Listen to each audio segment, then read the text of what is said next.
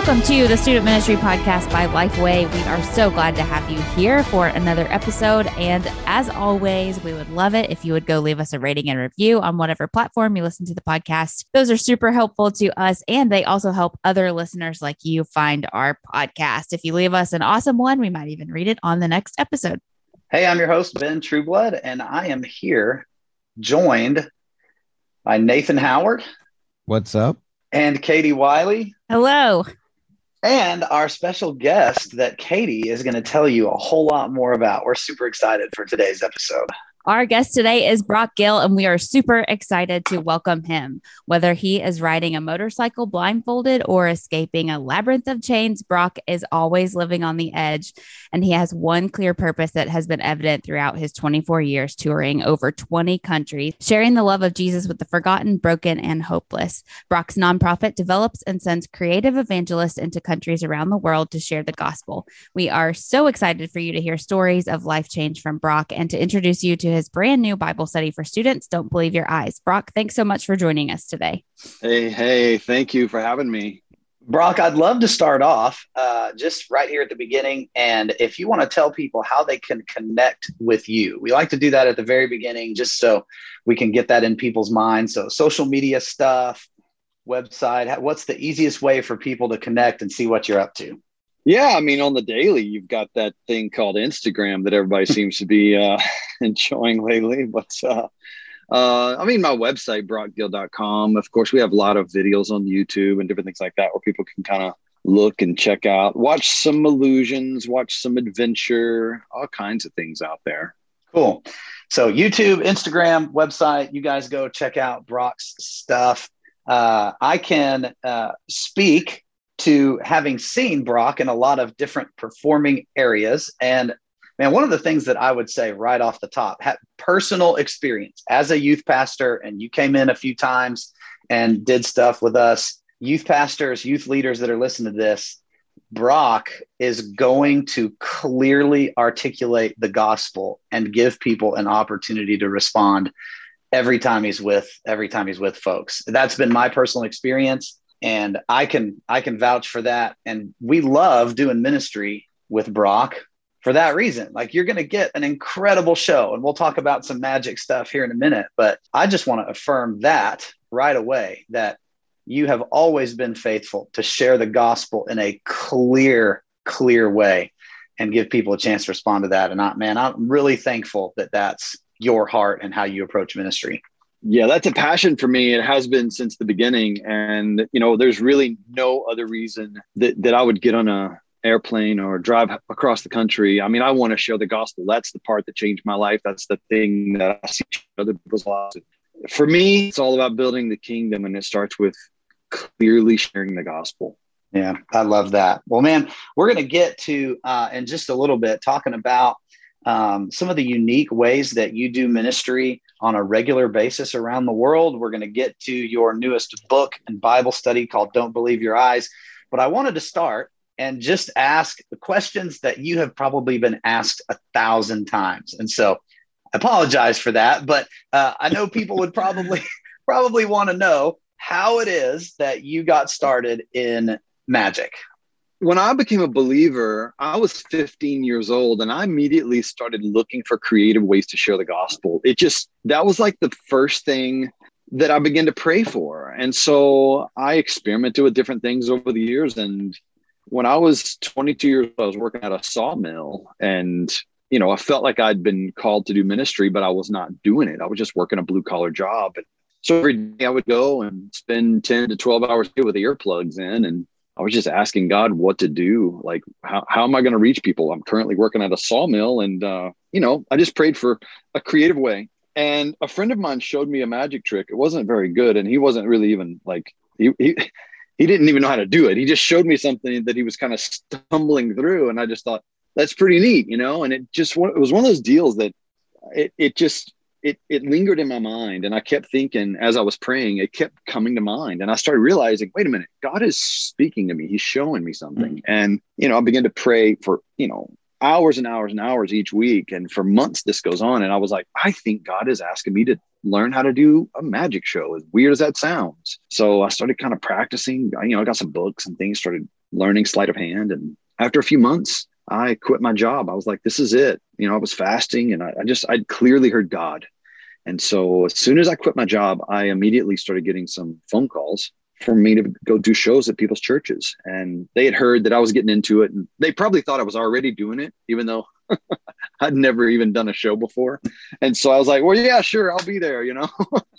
and so on the way to the first show, this is actually an interesting story. On my way to the first show, I take my room with me and he, he, uh, he and I are driving down the road and we see a guy on the side of the road on the interstate, I 49, and I think we were south of Shreveport, Louisiana. And I see a guy juggling on the side of the interstate. And we're like, what? He's juggling? Like he's he's better than us. Let's pick him up. So we pulled over, we picked him up, threw him in the back of my pickup truck because that's all we had then. I had a two seater pickup truck. And so he was in the back. And we went, drove another three hours and down to South Louisiana and did our first show. And Andrew, the juggler that we met on the interstate, became the opener. And so that's how it started. That was the first show. I love Andrew it. would come out. He would, yeah, he would do some things and then introduce me, and then I would go out there for the first time in front of people and do some some things, and and I I would, oh man, I don't know what to do next. Oh, let's hand it back to Andrew. It was awesome. So we got through the first show, and here we are. That's so cool, man. I uh, if people have been listening to the podcast for a while, they know that I am a magic interested person and that I, I enjoy those kinds of things and books on the shelf here too and all that kind of stuff but uh, so you you went from that to now you know i've i've seen what you're what katie read about you. I've seen it in person the ride the motorcycle the, the dirt bike with the blindfold. And so you, the show has obviously progressed a long way from there. I would uh, what is one of your favorite things that you do whether it be stunt based or escape based or sleight of hand based is there a certain thing like that that you just love to do? I mean, I think sleight of hand is like my favorite to do sometimes because it's like a big payoff for something I've I've invested, you know, thousands and thousands of hours into to do something that is basically invisible. It's kind of a weird thing where like I'm showing you something that I'm really not showing you.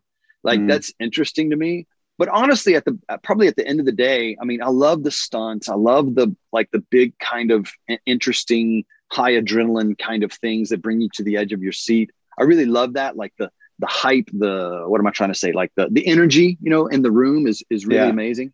But i think if if i had to land on like my absolute favorite thing that is it's connecting with people.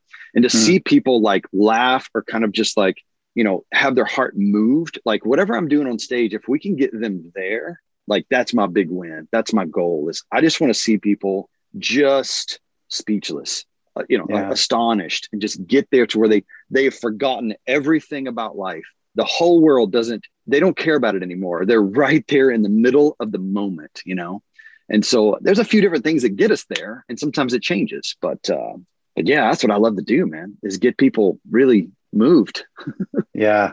Well what's interesting about that is knowing you uh, and some of the other things that you do in ministry, that love of connecting with people really drives some of the things that people may not know about you. Like they may know you for traveling with the newsboys, and they may know you for the big s- stage shows and doing that kind of that kind of thing. But you also, uh, man, you go to remote parts of Alaska and you you have ministry that you've been doing for years in prisons down in South America.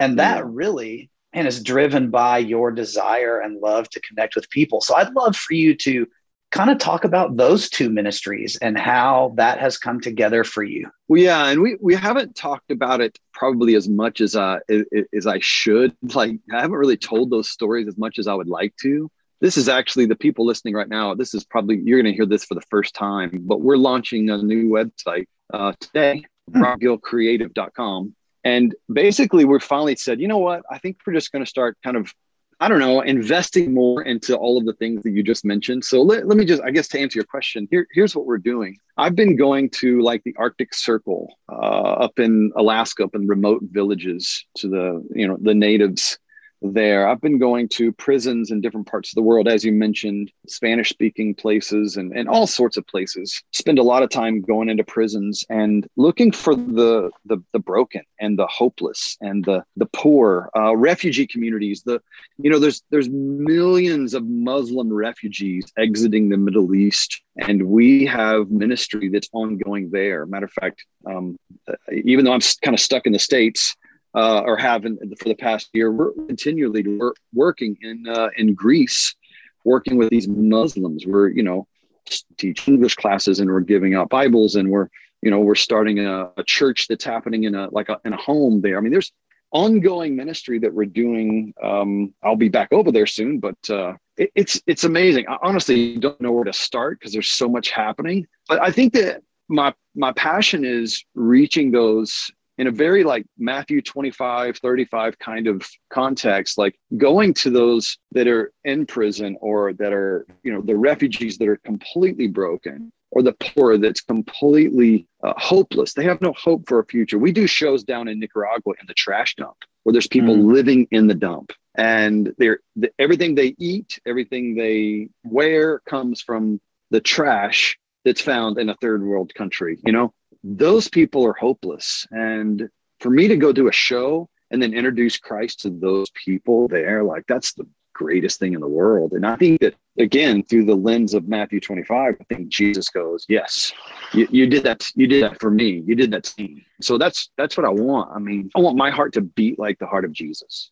Is there any one story or two that stand out to you of a, a, person that you've met in one of those places in Alaska or like you mentioned in Nicaragua that that when you think today about man I remember when we were right here doing this thing and this person was impacted.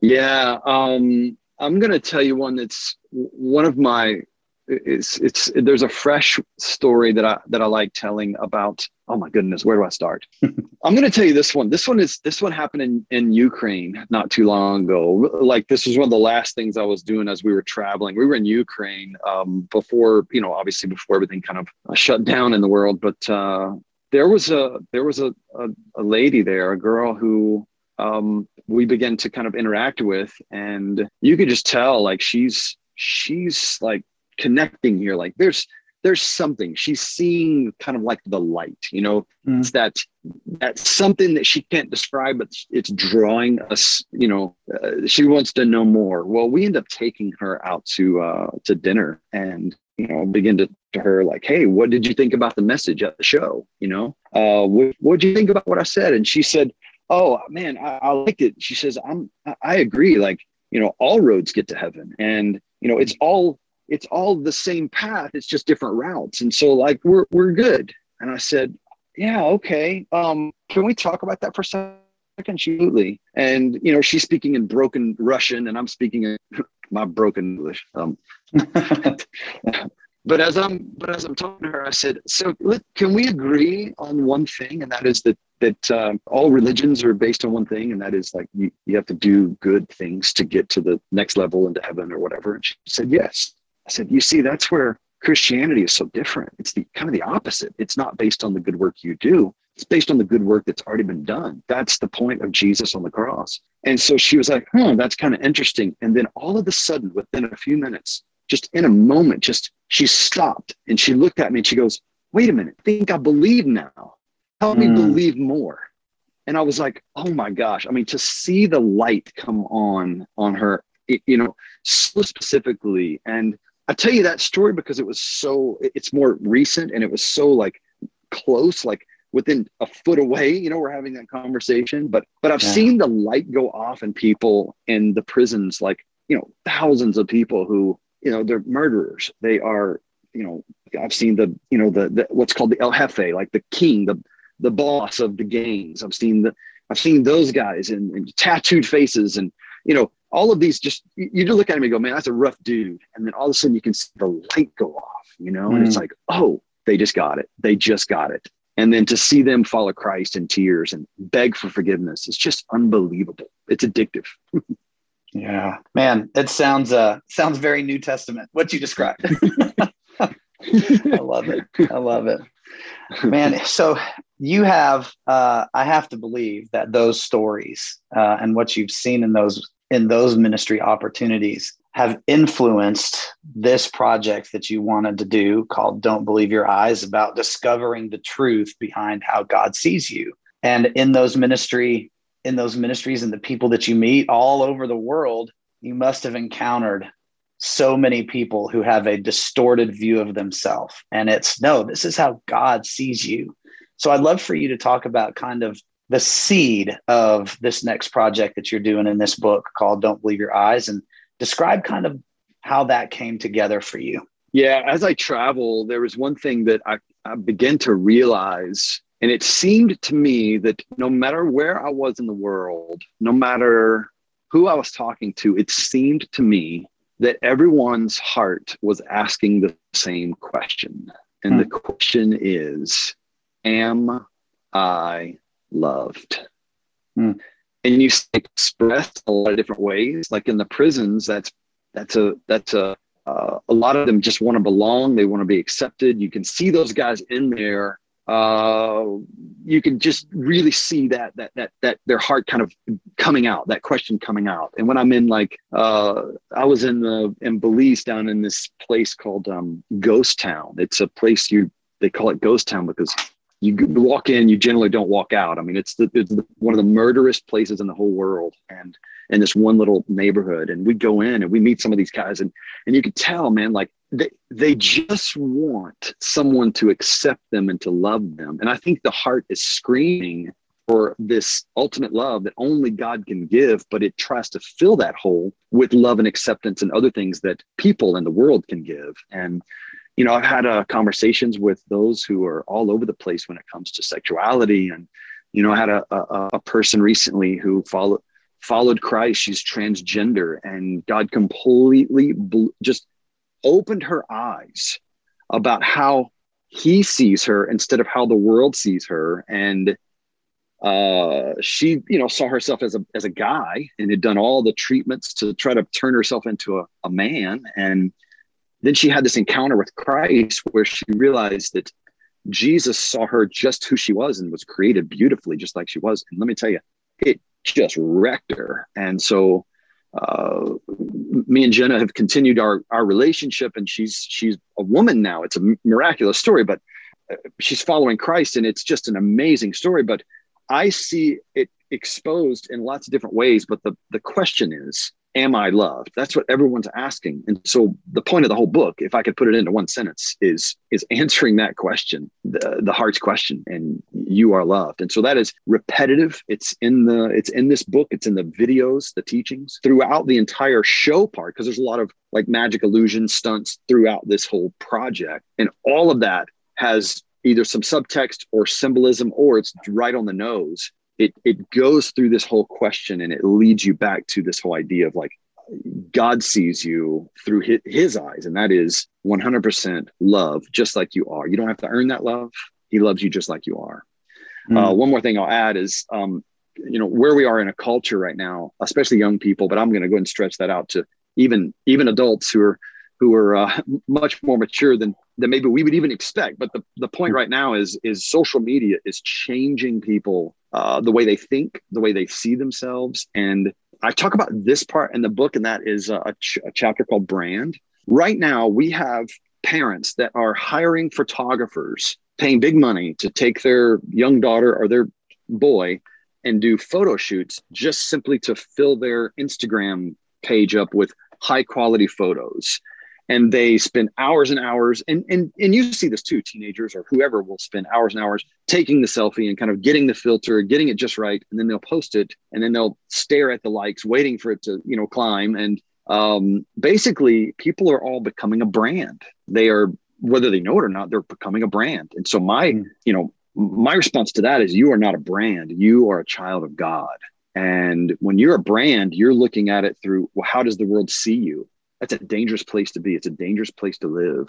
Man, in the book, you talk about myths that people believe about themselves, and what are you know? You talk to a lot of teenagers. You talk to a lot of a lot of people in general. What would you point to that says like, you know, this is just like the question, "Am I loved?" Is there a myth that people are buying into that kind of rises above the others that you would say this is what teen culture right now uh, you know to an audience of youth pastors this is what i see in teenagers right now is the myth that they're buying into um, i think that that myth is uh, again with social media this is where it's more um, obvious or more evident but this you can go back about 10 years around 2010 2011 i started seeing this and i actually actually had conversations about this and um, it seemed like the word enough the word enough hmm. was the was the thing and people would say i'm not sexy enough. I'm not good looking good looking enough. I'm not strong enough. I don't you know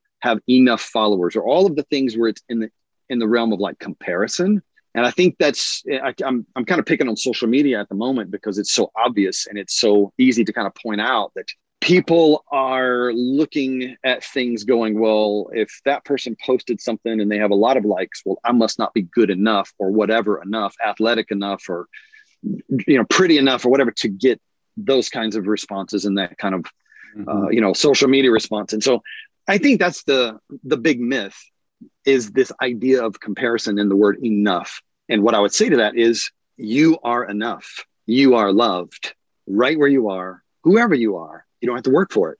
You don't have to you don't have to hope for it. Like you are enough for God right now to love you. Right where you are even on your worst day. Even if you think your life is a disaster, it's broken. Even if you think you're hopeless, on your worst day, Jesus still said, "I love you enough to die for you." And to me, that's life changing. Mm. Man, let's fast forward a year and you're sitting with a group of youth pastors, a group of, of students that have walked through Don't Believe Your Eyes. What do you hope they say, man, I, Brock, this is what I experienced. This is what I took away from this? After people go through this study and experience all of this, I want people to know that they are loved. And then I want that love to trigger a response that mobilizes them to share that same message with other people. You know, mm.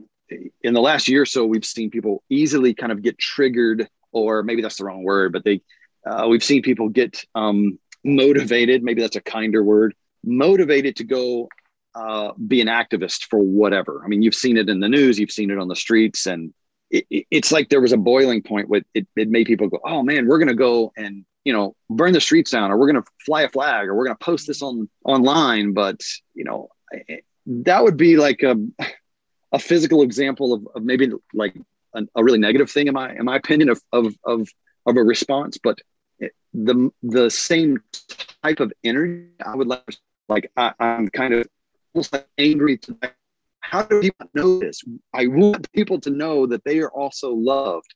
Like i want that kind of love revolution that metaphorically hits the streets and um, you know physically or or builds the kingdom but like to the point of like okay we have to do something about this hopefully i made that that little that parallel clear but it's like we have to do something about this we have to get people to know that they are loved they don't have to worry if they you know if they've done something wrong they don't they don't need to worry uh, and think that their life is screwed up or, or if it's a, a total wreck like no let's go rescue them and like turn all of that energy into proclamation of the gospel. And I think that's probably where I'll land is I'd love to see proclamation evangelists in every city and every country around the world. I think that's truly New Testament thinking right there. Brock, I want to thank you for your time and being a part of this episode. Man, thank you for the heart behind the project. Thank you for writing Don't Believe Your Eyes. And man, again, personally, thanks for the ministry that that we've been able to do together over the years, and I look forward to seeing how God's going to use this. Thank you, and thanks for having me. I, you know, you, you know this. I think, I think you know this. Uh, we won't, we won't reveal the secret, but the the book itself is a secret, is a is an illusion. Um, maybe you don't know this. I'm, I'm, I'm actually starting to que- second guess myself now. But the book itself, people will discover uh, there is an aha moment that happens pretty quickly as they uh, have it in their hands that um, is probably uh, something that's maybe never been done before and i think people are really gonna really gonna like it and the goal is once people see the truth and this aha moment that i'm talking about uh, we will also have aha moments throughout each chapter where once you see it you can never see it wrong again well i don't I believe your not, eyes Yeah, I'm excited because that that's a great teaser, and I have not yet had a chance to physically hold the the book itself because we're we are okay. dispersed working from from everywhere. So I'm I'm super pumped. Well, to, uh, we've been keeping this secret for a long time, so I'm I actually hope that I wasn't wasn't ruining it for anyone. But this secret we've been literally sitting on for over a year, and so when people get the book in their hands and then read something, I'm not gonna but but once they read the in the first few pages, they're they're they're going to be there's going to be a surprise. I'll put it that way. I love it. Well, go find the book "Don't Believe Your Eyes" and Bible study from Brock Gill, and uh, you will enjoy this one. Brock does some video teaching as well as illusions and magic throughout as part of the experience. And I do want to say, like, this is going to be an experience that you go through with a group of teenagers, or uh, it's not just something that you guys will sit and read. It's going to be a, a life changing thing for you, Brock. It was a joy to hear about the ministry that you have going on around the world. And it's always a joy to spend a little time with you. Thanks for being here today. Thanks a lot, guys. That was an awesome interview with Brock. And you can learn more about Don't Believe Your Eyes online at lifeway.com slash don't believe your eyes. This has been another episode of the Student Ministry Podcast. And give way clear